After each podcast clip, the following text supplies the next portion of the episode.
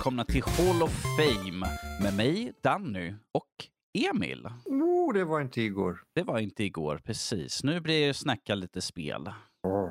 Lite klassiker, lite viktiga spel sådär. Men låt mig fortsätta med inledningen. Mm. Det här är Nödlivs pågående lista där vi listar de mest betydelsefulla spelen genom tiderna. Det kan vara spel som definierade sin genre, eller definierar tid som de kom ut, eller spelindustrin i sig. Eh, idén är att vi har varsitt spel som vi lyfter in på vår Hall of Fame och sen har vi tillsammans plockat fram ett spel som vi tycker hör hemma där helt enkelt.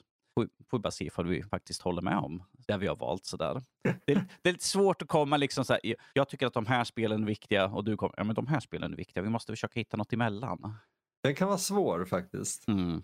Det, det, kan bli svårt och speciellt om man kommer från olika typer av spel man spelar och vad, hur man ser på själva industrin eller liksom vad som har varit faktiskt viktigt genom tiden. Låt säga att du bara växte upp på Playstation, jag växte upp bara på Nintendo. Då kommer vi ha helt olika syn på vad som är liksom stort inom spelindustrin. Oh ja, för man måste ju lite grann separera också. Vad är det som är subjektivt och vad är det som är liksom objektivt? Och mm. den är svår många gånger. Precis. Vi kommer nu att köra Hall of Fame var tredje vecka och att vi kommer ju försöka att variera upp lite grann vilka nördlivare som är med i poddavsnitten för att få lite mer variation på och vilka spel som faktiskt lyftes och kommer in på våran lista. Så jag tycker att det ska bli spännande att se hur det kommer bli nu under den närmsta tiden här framöver. Eh, vi kommer kanske avsluta med att vi pratar lite mer minnen eller så blir det under tiden vi pratar om spelen som vi tar upp. Sådär. Eh, Just nu, jag, precis som er, har noll koll på vad Emil har för individuellt spel som han har valt.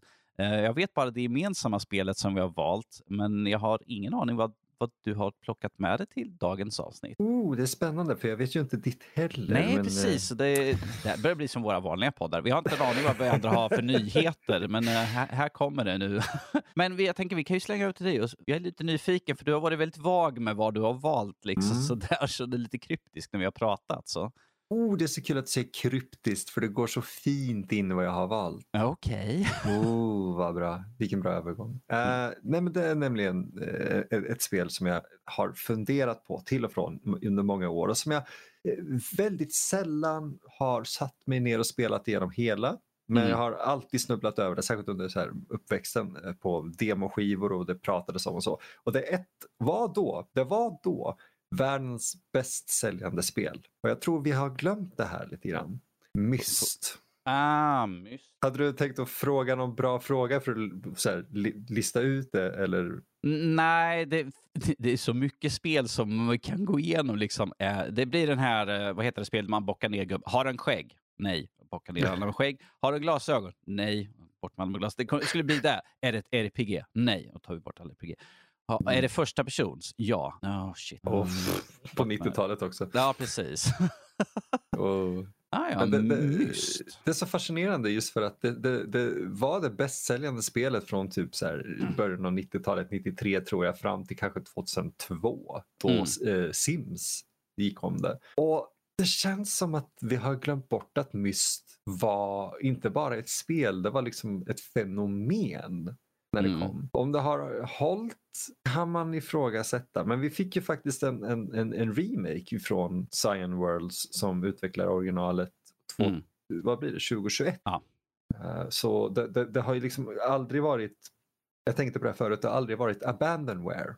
Det har Nej. alltid funnits eh, en uppdaterad version eller åtminstone tillgänglig för alla olika versioner av eh, datorer och sådär. Kul nog så släpptes det faktiskt, det här var ju tidigt 90-tal så det var ju innan PCn var verkligen någonting att räkna med på det sättet. Utan det var ju Mac-datorer. Mm. Som var själva grejen då för spel och så. Och Myst utvecklades ju för Mac först och främst. Och när det väl kom ut på PC och nådde en mycket bredare marknad så uh, var det det tillsammans med FMV-spelet Seventh Guest som typ pushade CD-ROM in i folkhemmet. Mm. Så därav är, är liksom vikten av Myst och, och Seventh Guest också, absolut. Men Myst var verkligen så här, wow! Det här är inte bara spel är inte bara till för en nischad publik utan det blev den här casual gamern föddes skulle jag säga med spel som eh, Myst. Mm. Eh, och det är fascinerande tycker jag. Har du spelat det? Jag har spelat Myst och jag kan säga fortfarande i dagens datum att jag är fortfarande lika förvirrad vad fan jag ska göra för någonting i spelet så att säga. Ja, det är logiskt. Ja, jag vet att man kan klara av spelet på bara några minuter med en, äh, en, en, en bugg eller något sånt där. Man kan ta sig igenom ett ställe. Ja, I första, om, första området. Man kan liksom bara vända om, gå tillbaka åt andra hållet så kan man hitta någonting där man kan komma igenom ett ställe så är det, tada, nu är det slut. Ja, det, det, det är det. Det är så fantastiskt trasigt på så många sätt men det är det som är lite dess charm också. Det är som den här tidiga, eh, om man tittar på originalspelet med sina eh, tidiga 3D-genererade bilder och, bilder och sådär. Alltså, det, det är ju vansinnigt fult egentligen. Men på ett sånt här ganska tidslöst vis ändå. Det, det är uh, height mapping och texture mapping och det är så här, eh, fruktansvärt uh, föråldrat men på det här nästan retrofuturistiska viset. Så jag är, det, det, det, är bara ett sånt där spel som jag ständigt ser mig själv komma tillbaka till. Och, men ja, jag blir alltid lika förvirrad också. För jag kommer fan inte ihåg hur jag klarar av grejer. Nej, det var ju sånt där spel man skulle egentligen sitta fyra, fem personer från olika walks of life så att säga, så att man kan lista ut någonting för att man behövde folk från olika aspekter liksom. för, att kunna, för, att, för att kunna liksom lösa, du kanske kan ta den här biten, för det kanske är mer inom ditt gebit och jag kanske kan ta det här pusslet för att jag kanske är lite mer smart på den biten. Men att det var ingenting man satt så här, det är klart jag kan ta allting själv, vilket jag inte gjorde.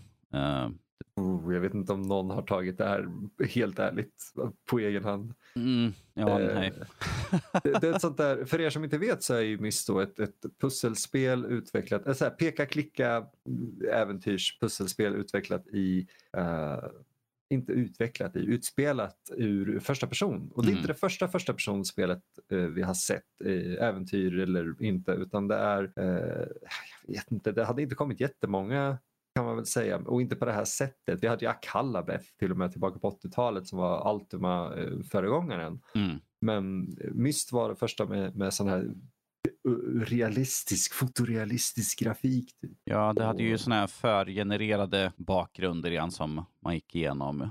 Precis. Ja. Och alltså det, det är ju det, som, som jag sa, det är något sån här fulsnyggt och, och, och, och tidslöst på något sätt. Och sen har de ju blandat in, eller ihop det tillsammans med FMV-sekvenser med utvecklarna faktiskt. De, de två huvudutvecklarna, eh, Rand Miller och Robin Miller, som eh, hade ju två bröder som hade gjort en del spel tillsammans eh, innan och sådär med sitt bolag Cyan. Många av dem var så edutainment-spel och ett, ett eller ett par av dem hade fått dem att tänka oh, kan vi göra något för en vuxnare publik? Och där föddes Myst och de började då designa svårare pussel. Och vissa av de här pusslerna känner jag väl är sådär, det här är inte svårt, det här är bara skitnödigt. Mm. Det, bara, det här är bara svårt för svårt skull.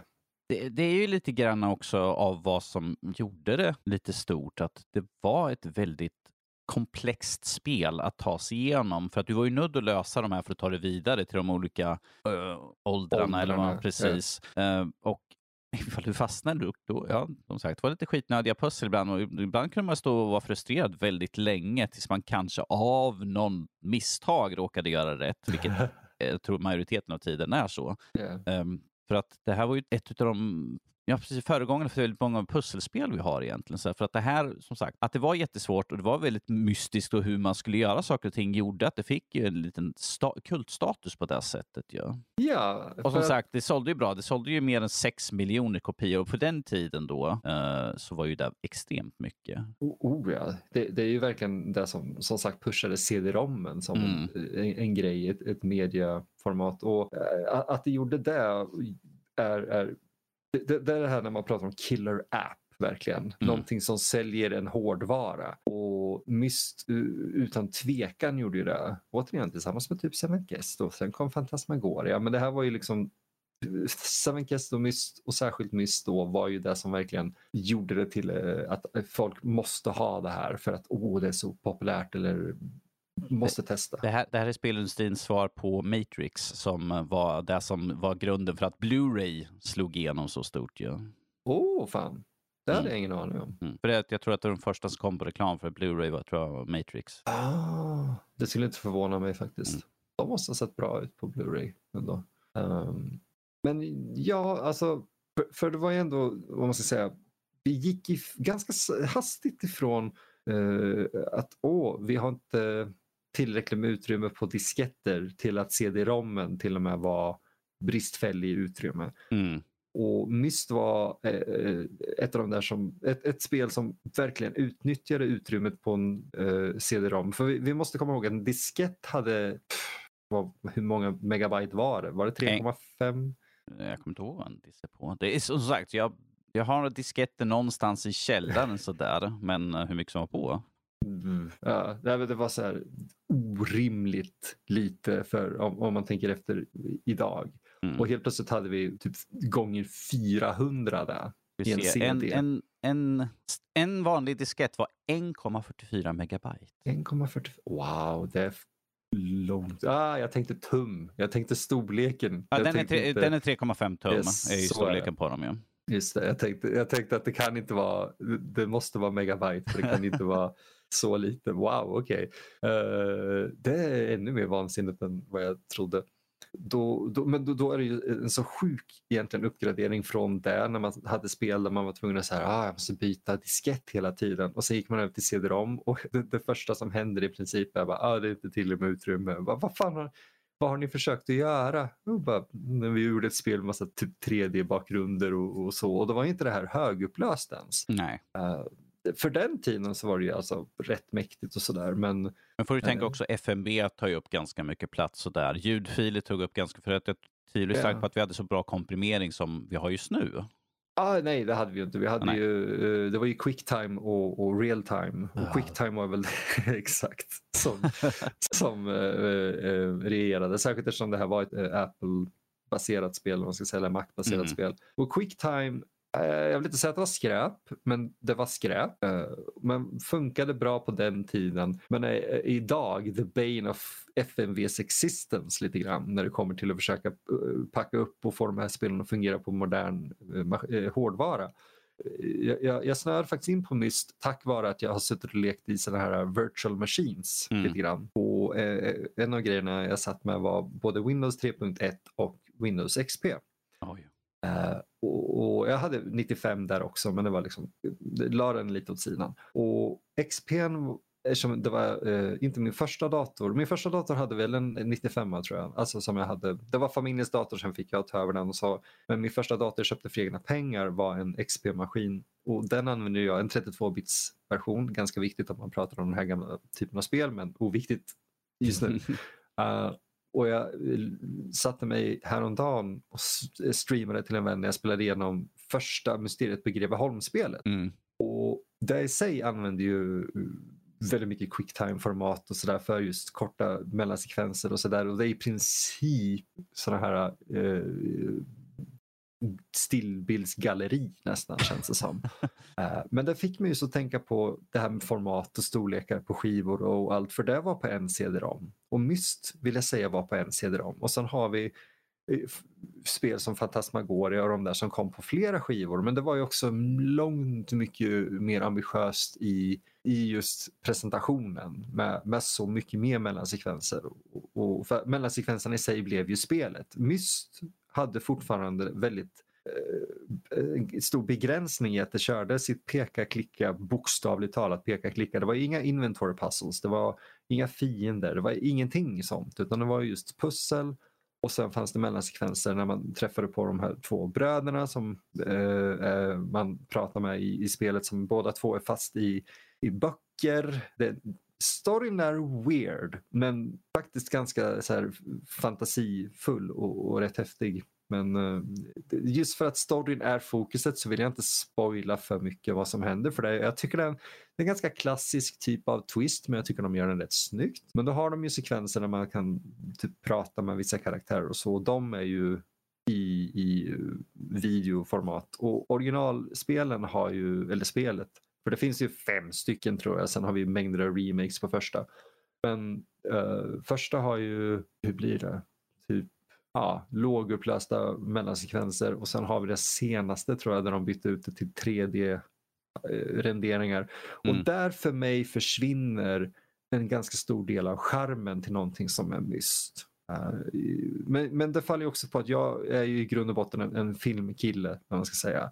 Så eh, film och media som har komprimerats till helvetet och tillbaka eh, för att få plats på eh, ett, visst format är ju fantastiskt intressant. Så när man tar bort den biten så försvinner lite skärmen tycker jag. Men som spel är ändå Myst kanske inte det bästa som finns där ute men dess charm och att det pushade en industri så hårt framåt är det som ändå får mig att, att inte bara komma tillbaka till det som jag sa innan utan även lyfta och vilja lyfta fram det mer. Nästan som en sån här att vi, vi bör komma ihåg och respektera Myst mer för vad det gjorde än vad vi idag gör, mm. känner jag. Eh, så ja. Ja, jag menar, när det kom var det som sagt det var Apple då. Nu, mm. nu kan du få tag på vilken plattform som helst mer eller mindre. Jag var bara nöjd att kolla upp det, liksom, hur snabbt man kunde ta sig igenom spelet. Det här är World Record på speedruns, mm. 51 sekunder. ah, myst. Visst står det vilken version det är?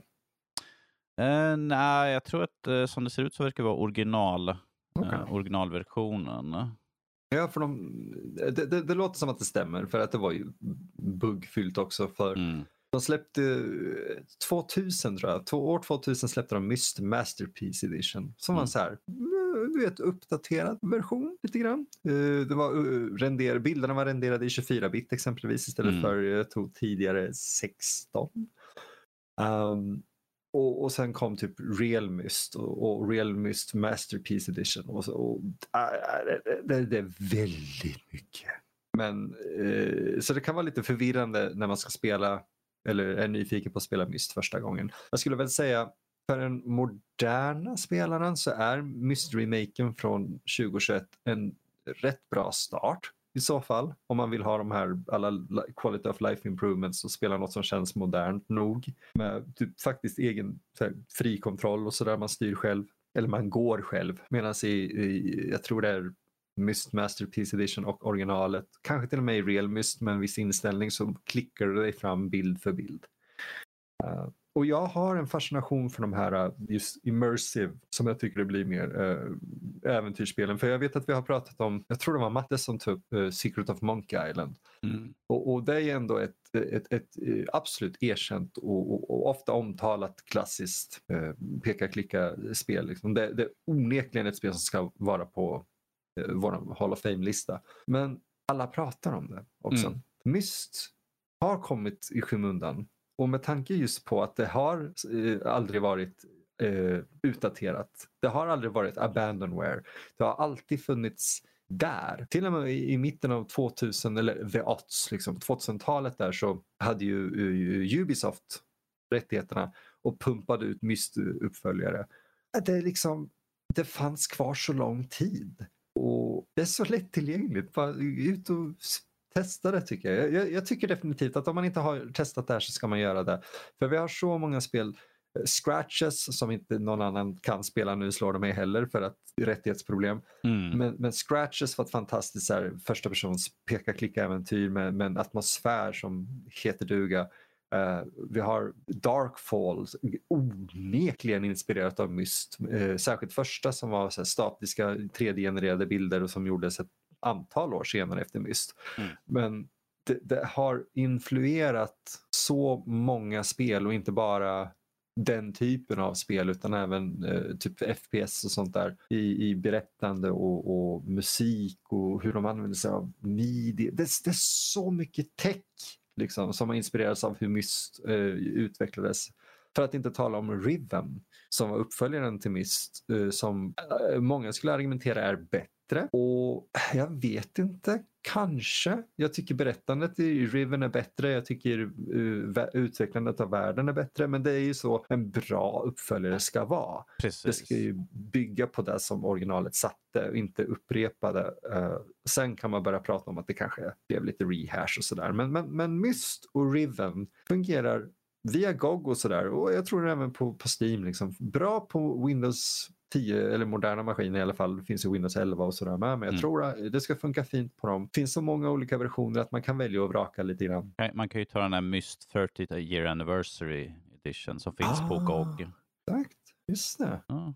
Så det, den, går, den går att få tag Den utgåvan kan vi få tag på. Då, då får man en lite förbättrad version och den ska fungera på alla moderna uh, PC då så att säga, runt på system egentligen. Ja, alltså det, och du var inne på det, men igen, vi kan bara understryka, det här portades till ta mig fan allt. Mm. Eh, Nintendo DS, iOS eh, och på den tiden där Apple började på sen snabbt över till IBM-PCs och kom på konsoler och allt. Äh, det... Jag menar, om vi säger så här, det finns på dator, det finns på konsol, det finns på mobil och den finns, som sagt, med den senaste remaken så finns det i VR också. Just det. Så du, kan, så du kan gå omkring i mystvärlden i VR utforska. Det är väldigt, det, det är väldigt häftigt. Det är så att jag skulle önska att, liksom att det var att det finns liksom så man kan slå igång ett filter att nu ska det se ut som exakt som i originalet. Så här. Lågupplöst, oh. jättefult, fyrkantigt hela stuket så att säga. Så man kan liksom bara, ja men det är så här jag minns det när jag var ung. jag, jag hade lite grann älskat det, det här Lite faktiskt. som det här Return to Monkey Island, eh, de här nyutgåvorna. Ah. Monkey Island-utgåvorna. Man kan gå mellan den nya versionen och original pixelversionen. Så skulle det kunde vara så. Jag man kunde byta, man kunde byta liksom mist liksom, uh, i VR och få originalt. Man bara, åh gud, det är så mycket pixlar här omkring. Hur kunde någon någonsin spela det här? Alltså, jag, jag spelade ju faktiskt Monkey Island, uh, i alla fall första Monkey Island-remaken där för ett par år sedan. Och det enda, alltså jag störde mig på en grej. Mm. Och det var att jag inte kunde ha pixelgrafiken med röstskådespelet ah, i, okay. i första. Så jag fick uh, jag kommer inte ihåg hur, men det fanns en bra guide. Använda ScumV och för er som gillar LucasArts-spel, ni vet förmodligen vad ScumV är, men, men vi, vi, vi, går inte in på det för de som inte förstår riktigt. Men, men det, det, det, det är ett sätt att spela eller LucasArts-spel på. Så jag använde eh, en originalutgåva av eh, Monkey Island och sen rösterna eller ljuden i remaken och sen mixade jag ihop dem så jag fick min pixelgrafik med eh, röstskådespelet. Det var en så bra version och tydligen så fixade de det inför uh, andra remaken eller remaken av uh, Monkey Island 2. Uh, det, det, tack för att ni gjorde det för då slipper jag göra det när jag väl tar mig an det i alla fall. Det är sitta och krångla så. Men som sagt, då har vi Myst. Mm. Ett udda spel. Men som sagt, klart värdig liksom var din plats på Hall of Fame. Där. Men du tycker det ändå? Ja, vill, mm. ja alltså det, är, det är ett sånt här spel. Det är, som sagt, det är ett kult spel, även fast det obskyrt kultspel så är det ett kultspel i sig och som sagt med remake och många spel så är det ju liksom att det är många som har rört vid den här serien så det är svårt att liksom inte erkänna att det har någonting extra där och då menar jag mest de förbenade pusslen som jag sliter håret på ibland och undrar, var, är jag så dum? och ingen är så, så dum. Det är bara de jävla pusslerna. Precis. Ja, ja. Yes. Uh, då, då, då är det min tur här. Ja, nu är jag nyfiken. Uh, min, min, är lite mer så här, det är inte så här obskyr eller något sånt där. Um, det, det, är ett spel som har väldigt många. Jag tror att du känner till det också. Så där, som det här är ett PS3-spel. Oh. Och uh, jag säger Ogodogo. Utvecklare som hade ett ljud som var Ogodogo i deras plattformsspel först. Oh. Vänta, snackar vi... Oh, vänta här nu. Är, får jag gissa på att det är Uncharted vi ska prata om? Yes! Yes! Jag är Det är han masken, han, han låter ju Ugdugu. Just det, exakt. I, i, i Crash Bandicoot. I Crash Bandicoot. Naughty Dog, där är Naughty Dog. Yes, vi har Uncharted Drake's Fortune, vilket är första spelet av fyra i huvudserien i alla fall, med spin-offs där också.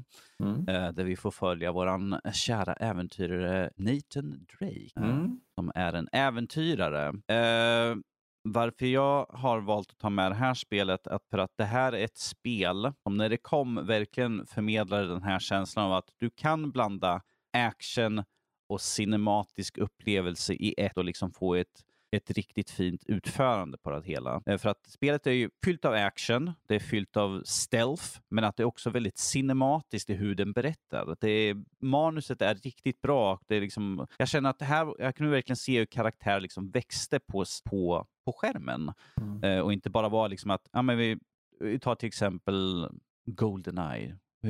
James Bond, man, man ser liksom en pistol och det skjuter höger och vänster. Doom, du ser en pistol som skjuter hela tiden. Gordon Freeman, äh, han säger inte mycket alls överhuvudtaget. Så man ser en, en, en eh, uh, kofot som slår lite grann. Men här liksom hade du liksom mer cinematiska upplevelser med dialoger som var välskrivna, liksom en karaktär som blev utvecklade och sen som sagt action i spelet um, tycker jag är också någonting som var riktigt bra. Och sen, speciellt också när man tänker på att utveckla Naughty Dog kommer, som sagt, de gjorde, innan det här så var det Crash Bandicoot, yeah. vil vilket är en, ett hemskt stort hopp mellan det och Uncharted, vilket är ett cinematiskt, realistiskt spel med riktiga människor. Som man det ser att det är människor och inte bara en stor pixelklump som äldre spel. Mm. Men det går liksom från Crash till Nathan Drake. Det är en väldigt hopp däremellan. Så att jag måste säga att um, de gjorde en stor chansning. För det är ju, ifall man ser, ja, men du har gjort ett plattformsspel, kan du göra ett realistiskt spel? Det är, många skulle säga Alltså, vi har ju bara specialiserat på den här typen. De har ju liksom Crash, de har Jackson, Dexter som de har gjort, Crash Team Racing. Uh, de hade ju såna här gamla Way of the Warrior-spel. Men ja, det var ju liksom, ja, de såg ut som de gjorde ju. Um, men att vi kommer här med Uncharted som är liksom Indiana Jones mer eller mindre. Uh, och jag tycker att han, uh, Nathan Drake, är en, en värdig Indiana Jones-klon om vi kan kalla det så. Visst, vi har Laura Croft Eh, mm. som också är i samma genre. Utforska äventyr, hitta gamla antika skatter. Men att de för, för sin tid så var de väldigt styltiga med de här traggliga handkontrollerna som man svor hejvilt åt. Medan när vi kommer till det här är det mer free flow i spelet. Det är liksom som du ska hoppa, klättra, klättra upp för vagnar, klättra upp för bergskanter, slå ihjäl fiender, smyga fram. Det var mer följsamt så att det var en bättre spel än vad eh, Tomb Raider-spelen eh, varit, förutom nu de nya spelen som kom, vilket är, är gjord för en modern konsol. Yeah. Men att Uncharted satte liksom stämpeln där, vilket jag tycker var kul eh, nu när vi fick utannonserat av, eh, eller vi fick se nu det nya Indiana Jones-spelet. Mm. Och alla sa liksom, ah, det, det är ju bara, de, de tordes inte sätta det liksom uh, i tredje person för att då kommer det bara vara som Uncharted. Det var, alla gjorde jämförelse på direkt med Uncharted så fort det var liksom uncharted, de, de törs inte ha tredje person så att man faktiskt kan se Indiana Jones. Jag bara, men gud. Det, det, ska vara sitt egna, plus att utvecklaren har alltid gjort i första person. Mm. Um, du, ja, av din reaktion så antar jag att du har ju spelat Uncharted. Jag har spelat första och uh, andra. Mm. Uh, och jag, uh, jag var lite förvånad att du valde första, men det är ändå... Alltså, jag tycker första är underskattat. Mm.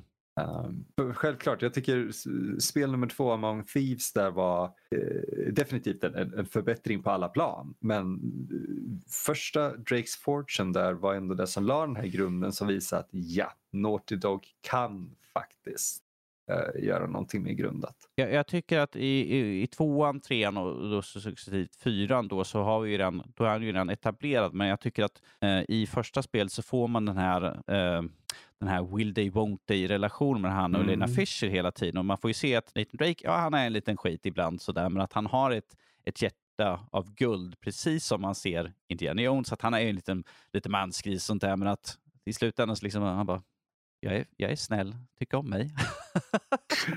ja, det är sant faktiskt. det är svårt att inte gilla honom. Ja, ja, jag, har, jag har lust att gå och kolla ifall det är någon som har liksom moddat det här spelet och lagt in så att man har en karaktär av Indiana Jones istället. Det hade varit coolt sådär. Det måste vara någon, någon rackare som har gjort den då. Det, det, oh. mm.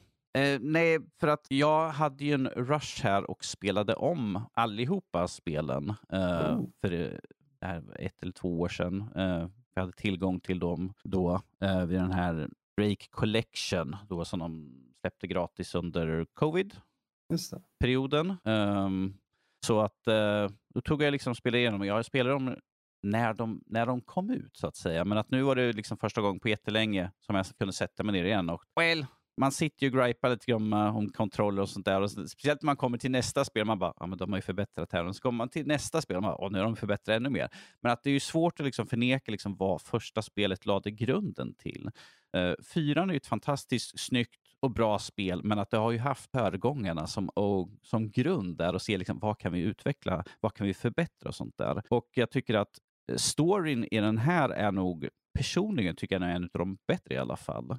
För att det är mm. mer om hans bakgrund, det är liksom om hitta om Sir Francis Drake, jakten på liksom mitt ursprung, är, det liksom, är jag besläktad, vad, vad har han gömt? För att det är det som han har letat efter hela sitt liv. Uh, han har ju det där uh, ringen runt halsen så att säga hela mm. tiden som är liksom hans drivmedel genom att han har någonting att bevisa medan Lena Fishon tycker med att han ljuger bara. Speciellt efter att han lurar henne i början ju. med, med båten där. Han, han, bara, Åh, hon bara, Åh, vi har hittat någonting, nu kan jag filma. Ah, ah, ah. Jag sa att jag kunde ta ut hit, jag sa inte att du kunde få filma eller ta del av någonting som jag hittar. Man bara, eh, okej, okay. douchebag, check. Men jag, jag, tycker eh, som sagt, det är liksom mycket av det, action och sånt är välgjort, men jag tycker om eh, dialogerna de har, för det känns liksom som riktiga karaktärer. Det är inte de här liksom styltiga, liksom, ja, men jag är supermacho, jag säger bara one-liners eller något sånt där och, och, hon, och Elina är någon sån här damsel in distress. Utan nej, hon hade liksom eget driv, hon är en kick-ass. Så det är liksom karaktär som har tyngd bakom. De är inte liksom en sån här silkeskaraktär som bara är där för att se fin ut. Utan alla karaktärer, skurkarna är riktigt eh, bra också. Um, så jag tycker att det finns mer tyngd i det här spelet än vad man ser i andra actionspel där det är liksom väldigt generiska fiender och sånt där. Här liksom, ja, men vi har bad guys, uh, vad heter han för någonting? Uh, Gabriel någonting heter väl han, bad guy någonting. Det har inte spelat någon där för tio år tror jag. Uh, jag kommer inte ihåg vad han, vad han heter. Som sagt, det är länge, det är två, två år sedan minst jag spelade här i alla fall. Men att det liksom sitter i fort... Jag har lust att gå tillbaka och spela igen nu bara för detta. nu, nu när jag sitter och pratar om det så jag bara, jag, jag har ju tyvärr jag har ju redan spelat igenom och gjort nästan allting i spelen. Um, men att det, suget finns fortfarande där, vilket jag tycker är ett gott tecken. Att till och med det första spelet, uh, jag, jag har ju fortfarande fyran kvar jag kan beta runt i lite grann. Sådär. Um, men att jag tycker att, om jag säger, liksom att, eh, att den här mixen mellan actionspel möter cinematiskt gameplay liksom med cutscenen och att det är så att det går liksom in och ut utan att man märker av. Det är inte liksom att du har helt plötsligt, liksom, ah, men hur plötsligt har vi 4K, tre, eh, superrealistiska 3D-modeller och sen gå tillbaka till en low poly-figur som i väldigt många spel hade. Mm. Uh, vilket var ganska jarring när man gick från jättesnyggt tips och kom tillbaka och bara, ja, det ser inte lika snyggt ut det här. Men att det var så sömlöst liksom, när du gick in i en cutscene och sen liksom, ja, nu, nu kan jag styra och, springa och uh, röja järnet igen. Um, och uh, något som jag också tycker väldigt mycket om, som jag, alla vet ju att jag är en Assassin's Creed-nöt. Mm. Det är svårt, svårt att förneka det. Men att hur bra, hur Uncharted på väldigt många ställen har betydligt mycket bättre eh, klättersystem än Assassin's Creed. För i Assassin kan du nudda en vägg och se plötsligt så är Ezio eller någon på väg att klättra upp på den. Medan här är liksom du väljer att nu ska jag aktivt klättra upp på den här väggen. Det är inte att liksom du nuddar en vägg och du springer iväg. Ubisoft är ju kända för att ha det här problemet i sina spel. Att, ja, men titta en vägg, spring upp ja. väggen. Och, Medan här är mer ett aktivt val på utvalda ställen. Liksom, här är liksom klättra, eller hur jag klättrar. För gör man fel så kanske man dör i så fall. Um, yeah. Så att jag, jag tycker att det har en en god mix, vilket gör att jag tycker att det här är ett spel som ska vara på våran Hall of Fame. För att det, det gör så mycket väl och det har, enligt mig, så har jag tycker att det gjort en bra in, inverkan på spelindustrin att liksom ha den här cinematiska upplevelsen. För vi beskriver ju väldigt mycket när vi pratar om spel till film. Ja, men varför ska vi göra en, en film på det här? Det är, redan så, det är redan som en film i sig, vilket Uncharted är en av grunderna egentligen till varför vi har det uttryck. För att det var mer cinematiskt än vad många skulle kalla klassiskt game. För att det är väldigt mycket, det är mer dialoger, du har mycket samtal, men att det är samtidigt sånt som driver, som ger en större tyngd till spelen. För att det har en historia som faktiskt är värd att liksom lyssna. Det finns ett driv i karaktärerna för att de har blivit mer utvecklade. Liksom så här, vad är det där? Det är en fiende. Vad gör vi? Skjut Okej. Okay. Ja, det, det ligger någonting i det. Alltså, Sony jag tror Sony blev mer kända efter typ just Uncharted med, för att vara de som har de cinematiska spelen. Mm. Ja, ja, uh, gud. Eh, ta bara liksom de Spiderman och alla de spelen mm. som kom ut. Uh, The Last of Us. Uh, de, de beskrivs ju mer som, det beskrivs ju som cinematiska spel. Mm. Det är inte liksom det är ett actionspel, nej, ett cinematiskt spel. Ett spel med tyngd. Det, det, Sony är ju mer kända för att ha den typen av e, egna, som är utvecklare av dem själva. Mm än, oh, ja. än många andra studios. Du. Det är inte direkt du tittar på Nintendo och säger så här, Åh, vilka cinematiska spel. Mm. Nej. Underhållande, eh, vänliga spel för alla, ja, eh, yeah, sure. Men inte mm. cinematiska säger man inte. Det är mer Sony som är kända för det. På gott och ont. På gott och ont. Eh, Men, jag, mm. ja. Yes, vad tänkte du säga? Nej, nej, men, men Uncharted la ändå en extremt stabil och, och välgjord grund för de, de cinematiska spelen. För vi hade inte haft dem idag alls om det inte hade varit för Uncharted känner jag. För det var det som liksom kickstartade den här banan med, eh, om man ska säga högbudget eh, lookers mm. nästan. Som fortfarande var väldigt jävla roliga att spela igenom. Ja, jag tycker det är kul för att vi fick ju sen den här uh, Uncharted The Nathan Drake Collection ju, där man mm. kunde spela igenom uh, ettan, tvåan och trean. Uh, fyran kom ju ett år senare efter att den släpptes ju, så att den är ju tyvärr inte med i boxen. Men att den är ju, var ju sprillans ny då, så det hade varit lite dumt kanske att ha med, för att de andra spelen är ju PS3-spel med att uh, fyran, uh, Thieves End, är ju PS4-spel. Mm. Så, men att jag skulle nog säga, liksom, ifall man vill ha cinematisk action så kan man kolla in den utgåvan och sen fyran såklart. Eh, vilket just nu är sista spelet ju. Eh, det är det fortfarande va? Det är fortfarande. Vi har ju haft en film också, Uncharted. Mm. Jag har inte sett den med Tom Holland. Jag har inte sett den ännu. Jag, jag har sett trailer för den och det är liksom så här, det är från spelet. Det där är direkt plockat från spelet. Det där är direkt plockat. Så jag bara, varför ska jag se den? Jag har redan spelat spelet. Det är som, jag, det är som jag säger om uh, Last of Us-serien. Jag frågar, mm. ska, jag se, ska jag se den? Har du spelat spelet? Yeah. Ja, men då bör du inte se serien. Det var det jag och, och eh, Marcus som jag har kultpodden med just nu. Han, eh, när vi spelade det typ 2013 när det kom så var det lite det här sentimentet att varför är det här ett spel? Det hade varit så mycket bättre som en film eller en serie. Mm. Och lo and behold, tio år senare så bara, ah, vi sa ju det. Varför, eh, varför är folk så chockade nu? typ? Uh, det, det, det, var fascinerande, men ja. Det, för Last of Us skulle jag argumentera, det, enligt, enligt mig så var det där det började gå ut för lite grann med cinematiska spel. På, på sätt och vis. Inte låter fel, men jag, jag, jag menar inte som att det blev dåligt, men att vi, vi började se att okej, okay, det här är nu någonting som hade funkat bättre i ett annat medium än som spel uh, istället för vad Uncharted var exempelvis. Där det, var så här, det här måste fortfarande vara ett spel och funkar bäst som spel fast cinematiskt. Mm. Uh, Medan filmen funkar bättre som spel. Uh, kollar vi på Last of Us så är det, Last of Us funkar bättre som serie än som spel. Men det är liksom åt andra hållet. Um, uh, och, och uh, ja, jag vet inte. Det, är en intressant resa Naughty Dog har gjort där. Mm. Men onekligen liksom, så ska ju Uncharted tycker jag upp på Hall of Fame. Det är ju faktiskt också underskattat på det sättet att jag, att jag är lite chockad att ingen har nämnt den. Det, jag tror att det är som många spel, om vi, om vi säger till exempel Silent Hill, vilket säger folk är det bästa spelet? Tvåan. Oh. Resident Evil, vilket brukar folk säga är det bästa? Det finns två val, antingen tvåan eller fyran. Yeah.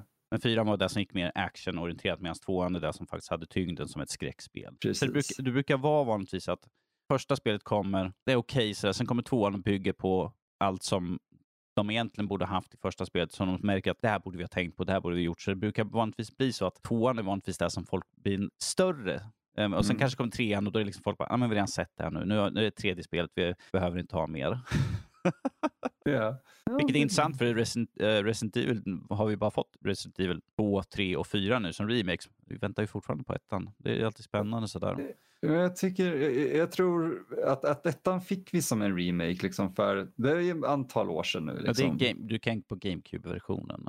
Precis. Uh, och jag vet att folk vill ha det. Men för mig blir det så här, tar Capcom det beslutet så är de korkade. Det är redan, det är redan rykte på en remake på en remake. Det är klart det är, för att det, industrin är korkad. Men, ja, ja. men det är liksom, jag förstår ju att det hade varit bra spel eller gameplaymässigt och att det hade varit grymt. Liksom. Men för mig blir det så här, kameran kommer inte funka rätt där för att det är ett trångt jävla hus. Mm. Det kommer inte kunna vara, ja i, i, i tvåan funkar det okej okay i polisstationen men kameran var fortfarande det mest störande momentet för mig där i på grund av att det var så liksom, trångt. Uh, jag tror inte det kommer funka lika bra i första. Och att ha tre saker som heter Resident Evil är objektivt korkat. Ja, ja, det är lite som att, att uh, Obsidians spel uh, som kommer nu som heter typ Unavowed. Det är så här, vi hade ett spel för ett par år sedan som heter Unavowed. Vi behöver inte till. Mm. Det, det, är sånt där som bara Men vet, det, det, det får helt enkelt bara bli som många andra saker. Doom. Ja, nej. Det, det kallas, ja, kalla det för Doom 2016 så fort du pratar om det nya, uh, Det är det vi får nya spelet. Det är som Ghostbusters, den, sena, alltså den senaste, Mm. inte de nya spelen, det var liksom med de kvinnliga. Det var liksom The Ghost, Ghostbusters 2016. Så det har blivit så. eh, att man, man, man säger liksom namnet på saken, säger liksom året egentligen. Men det är så irriterande. Jag tycker det är så, det är så kreativt bankrutt bara. Eh, det, det vore intressantare om, de, om Capcom fokuserade på att göra, för det har jag också hört något rykte om, men jag vet inte om det stämmer alls, men att de fokuserar på, eller ville kanske göra en, en Code Veronica eh, remake. Det är jag helt för. Vi, vi är helt inne ifrån uh, listan här, men att det går ett rykte, ryk, eh, bara lite snabbt, det går ett rykte om att de, har, att de planerar eventuellt fem stycken eh, spel och eh, majoriteten är remakes och sen är det nian också. Och Code Okej. Veronica är ju den som har pratat om längst. Men tillbaka till Hall of Fame sådär. Eh, det här är ju ett spel som har några år på nacken. Det är från 2007. Vi har ju såklart eh, Drake's Collection, men det här är ett spel som jag gärna skulle vilja se eh, fakti- eh, jag, jag är ju väldigt mycket egentligen från, när, när spel inte är så gamla, men här är från 2007, så jag, hade, jag skulle gärna se en ny version på det, liksom, är det nyaste motorn och sånt där. Eh, Mm.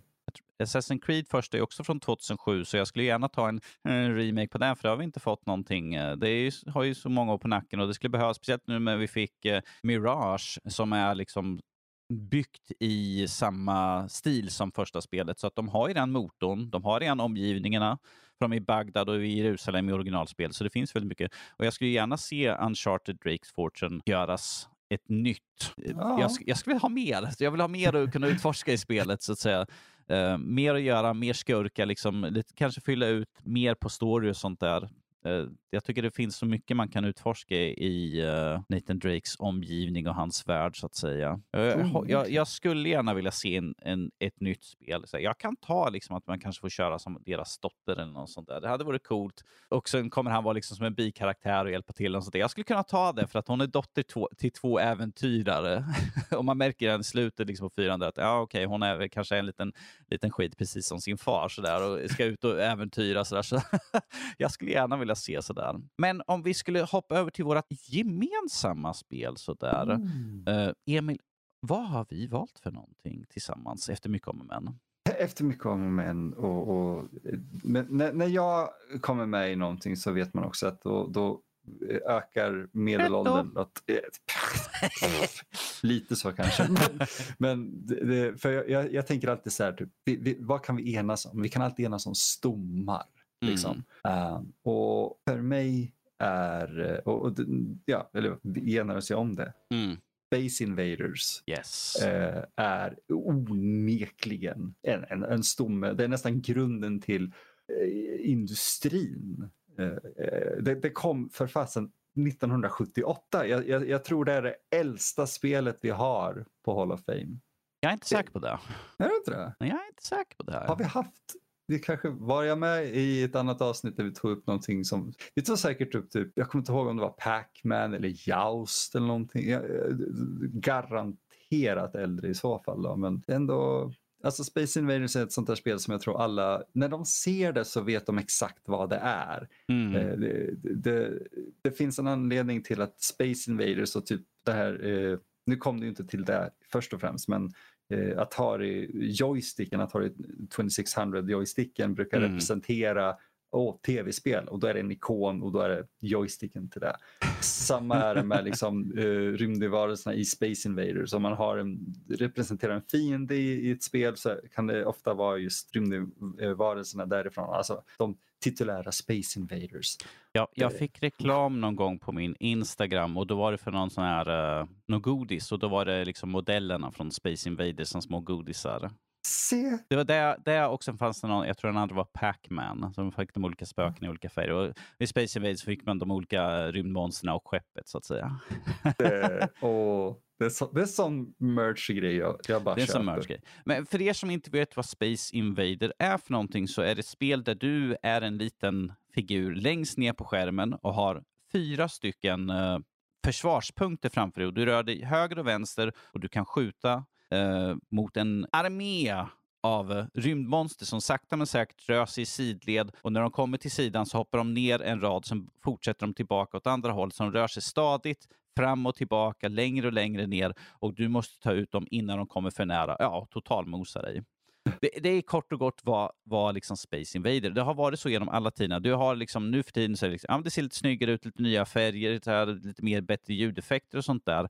Men att eh, något som jag vet är väldigt unikt för det här spelet är ju att musiken till spelet har, eh, är ju i samklang med spelet. Att när de rör sig, det är fyra toner i mm. musiken och den rör sig i takt med hur fin den rör sig. Och ju längre ner de kommer, desto fortare går musiken och i takt med. Så att man känner, det blir den här att visuellt kan jag se liksom hur de rör sig snabbare och snabbare och jag hör hela tiden hur det går mycket snabbare. Så det blir liksom en visuell symmetri där med liksom visuellt och auditorium där liksom att du hör samtidigt som du ser att det här kommer inte gå bra för mig. det, det, det, är det som är bara briljant speldesign. Det är sånt som vi missar mycket idag känner jag. Mm. Och eh, måste jag faktiskt kolla upp. Uh, Tomohiro Nishikado. Det sa jag säkert rätt. Det var ju designen för det här. Klock, klockrent, precis som man uttalar det. Tack så mycket. Jag har tränat med japanska i lång tid.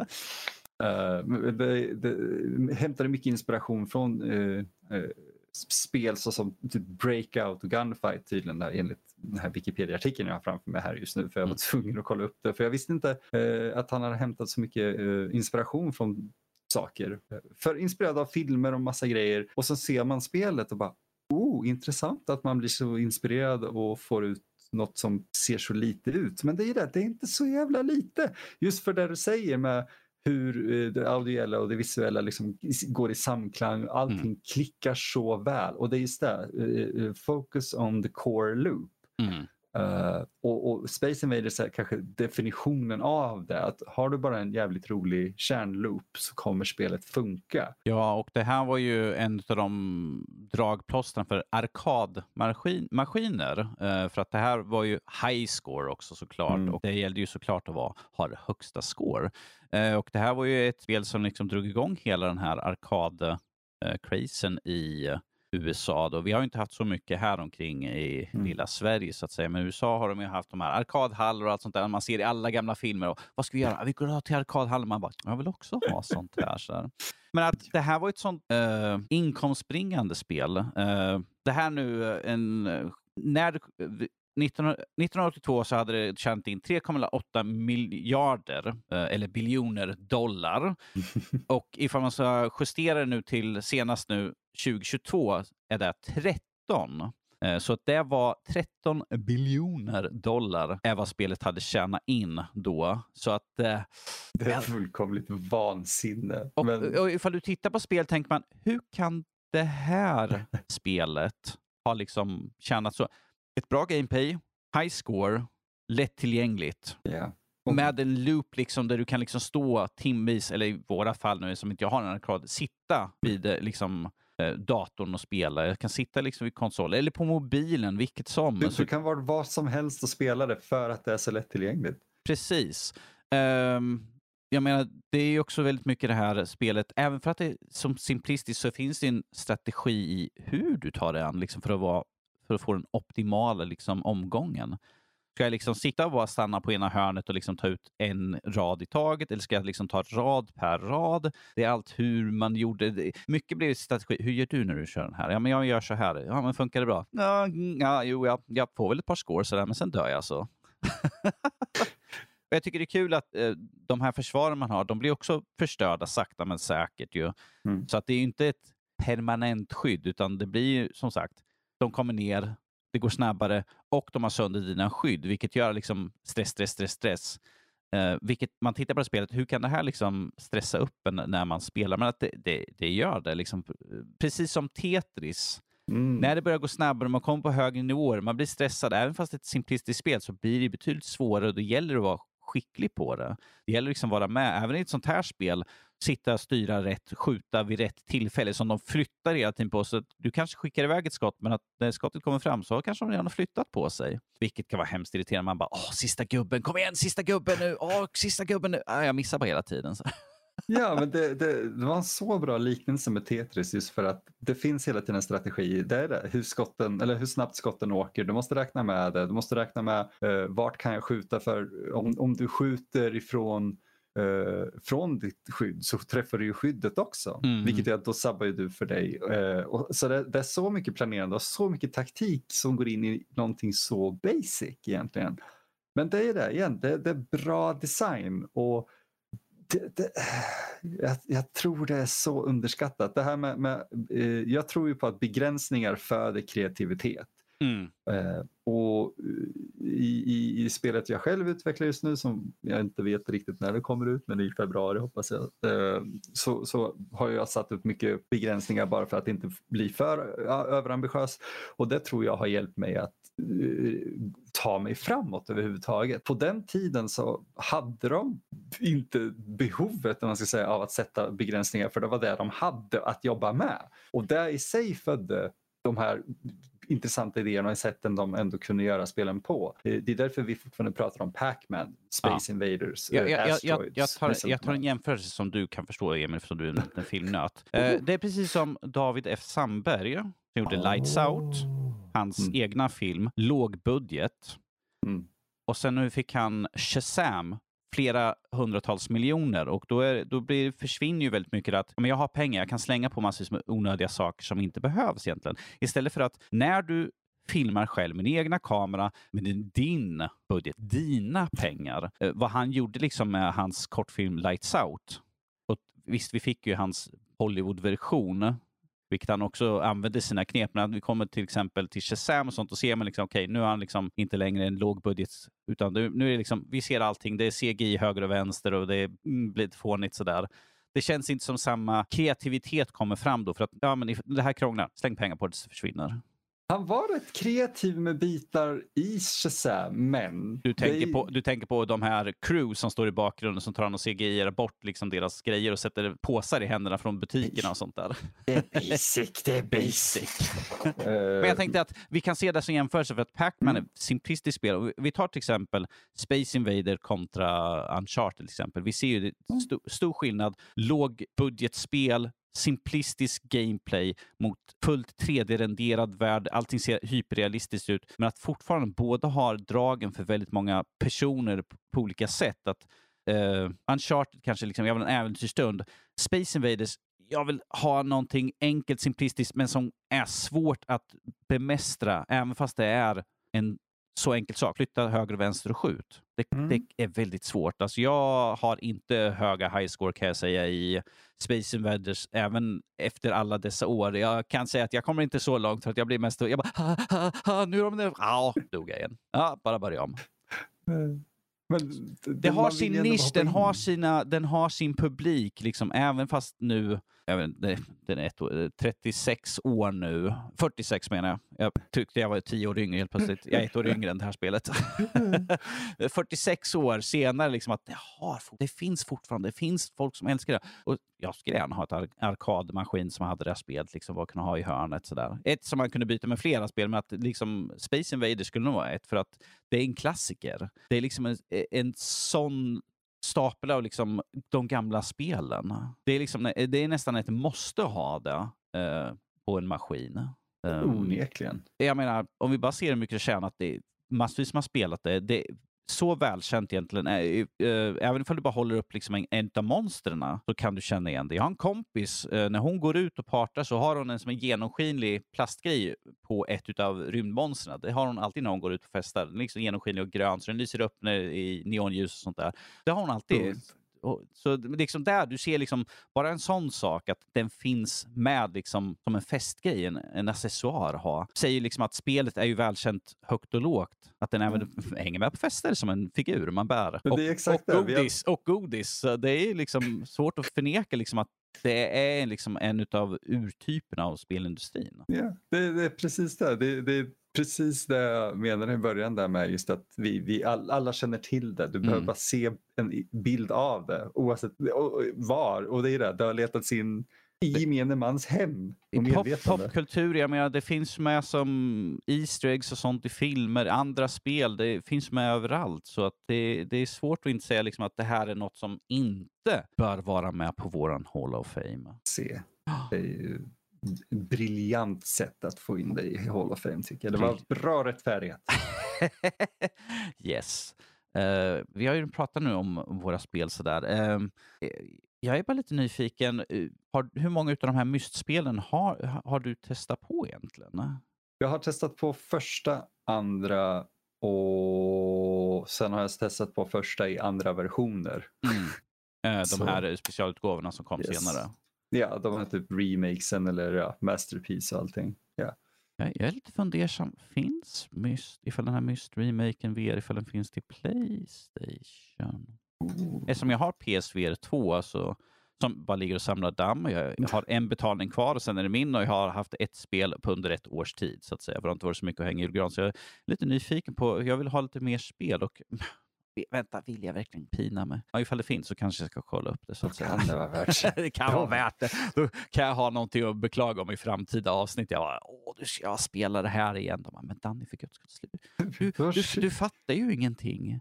Myster är inte din grej helt enkelt.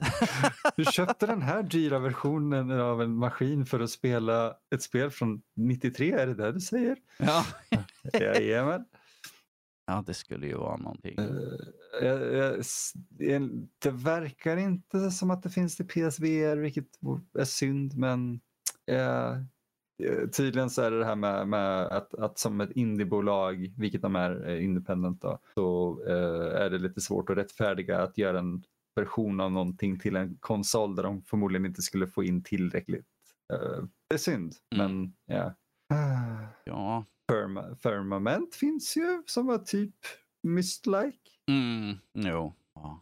Yay. Ja. Ja, ja, ja. Ja, det vore coolt liksom. Uncharted har jag ju, så att jag kan ju spela dem. Ehm, jag har bara lite kvar i fyran jag kan leka runt i. Så. Du får ta det igen. Eh, Vad, hette det där? Uh, ja, men Lost Treasure, eller vad hette det? Där de gjorde spin-offen till PSP, Lost Odyssey? Nej. Eh, är det då man spelar som Elaine och eh, hon, uh, vad heter hon andra kvinnan? Hon som är bad guy. Ja. Jag har redan, jag, jag har redan kört det. Klart du Jag har. har redan, kört, jag har redan kört det. Eh, så det, det är lite surt. Men ja, äh, ettan har en, liksom en, en riktigt stark plats. Liksom där. Speciellt när man får in Nathan Drake. Jag, jag menar, man kan säga man vill. Han, han kanske är lite liten skit sådär ibland, men att det är svårt att inte tycka om han. Det är spe- som, precis som Indiana Jones. Han är en skit, men det är svårt att inte tycka om han. är liksom Han- Han är ju Dollar Store Indiana Jones. Han är liksom. Dollar Store Indiana Jones och nu får vi Indiana Jones och det kommer vara jämförelse mellan Nathan Ah. Drake och Indiana Jones igen. Så, där, så det blir intressant. Så där. Vi har ju redan, som sagt, eh, Lara Croft är ju liksom den kvinnliga Indiana Jones. Nathan Drake, han är den manliga nya versionen av Indiana Jones. Och nu kommer den riktiga Indiana Jones igen till spel. Så att det ska bli intressant att se hur diskussionerna blir om det. Mm, faktiskt. Jag, det, där ser jag nästan fram emot mer än... än nah, uh, jag ser fram emot att spela Indiana Jones också visserligen. Så. Men diskussionerna är alltid det, det intressanta tycker jag. Mm. Och det var det jag såg när, jag, när de visade serien. De bara, eh, det var sån där low budget Nathan Drake. Jag bara, han är, han är OG, han är Indiana Jones. Ja, det, det blir lite den där när man bara vill, ni förstår inte att det ni hyllar och älskar så mycket är rip-offen. Men sure, det, Mm. det, kalla det vad ni vill. Jag är lite nyfiken, jag har inte kollat på... För guds skull, vi hade ju 3D Indiana Jones innan Uncharted också. Liksom. Jo, så- ja precis, jag har ju det också. Eh, De är inte dåliga. Infernal Machine, Emperor's Tomb. Mm. och sen kom väl fasen uh, King, Staff of Kings samma år tror jag till och med som Uncharted. ja. Eh, och de är, jag kommer inte ihåg, är de före Tomb Raider? Originalen? Ah, nej. För- Infernal Machine möjligen, men jag tror Tomb Raider För kom den är väl först. på original Xbox? Och Tomb Tomb- Raider? Nej, alltså Indiana Jones. Uh, första, alltså första 3D Indiana Jones kom till typ PC och 64. Uh, och sen har du Tomb Raider är ju PS. Ja. Så, mm. Vi- någon är först, men att, om man säger så här, filmerna är först så. Filmerna är först. Filmerna vi, är först, ja. Vi kommer inte ifrån det. Liksom. Nu, nu, nu är vi iväg och snurrar igen, så det är sånt som händer när vi kommer igång och börjar ha diskussioner. Folk bara, var, var inte det här ett Hall of Fame-avsnitt? Jo, det är ett Hall of Fame-avsnitt. Och där har vi dem i alla fall, dagens avsnitt. Vi har Uncharted, eh, Drake's Fortune, vi har Myst, bonkerspel med pussel som får en att slita håret och Space Invader, en klassiker som är svårt att förneka att det inte bör finnas på listan. Med det så vill jag tacka Emil för att du var med i det här avsnittet. Och Oh, såklart. Tack själv. ly- lyfte ett spel jag inte trodde skulle komma upp direkt på den här Mm. listan så att säga. Eh, Inte jag det, det, ytterst sällan man tänker på mystspelen egentligen. Uncharted är ju inte så svårt för att det är lite mer i the public eye så att säga, som det är lite mer modernare, så att det är lite mer lättare att komma ihåg det. Plus att jag har spelat allihopa, så det är lätt att jag kommer ihåg det. Alltså. Space Invaders, never forget, mm. never give up, I'm gonna beat the shit out of those aliens. En vacker dag. Så. Men med det så får jag tacka för mig och så hoppas jag att vi hörs igen i nästa vecka. Toodaloo!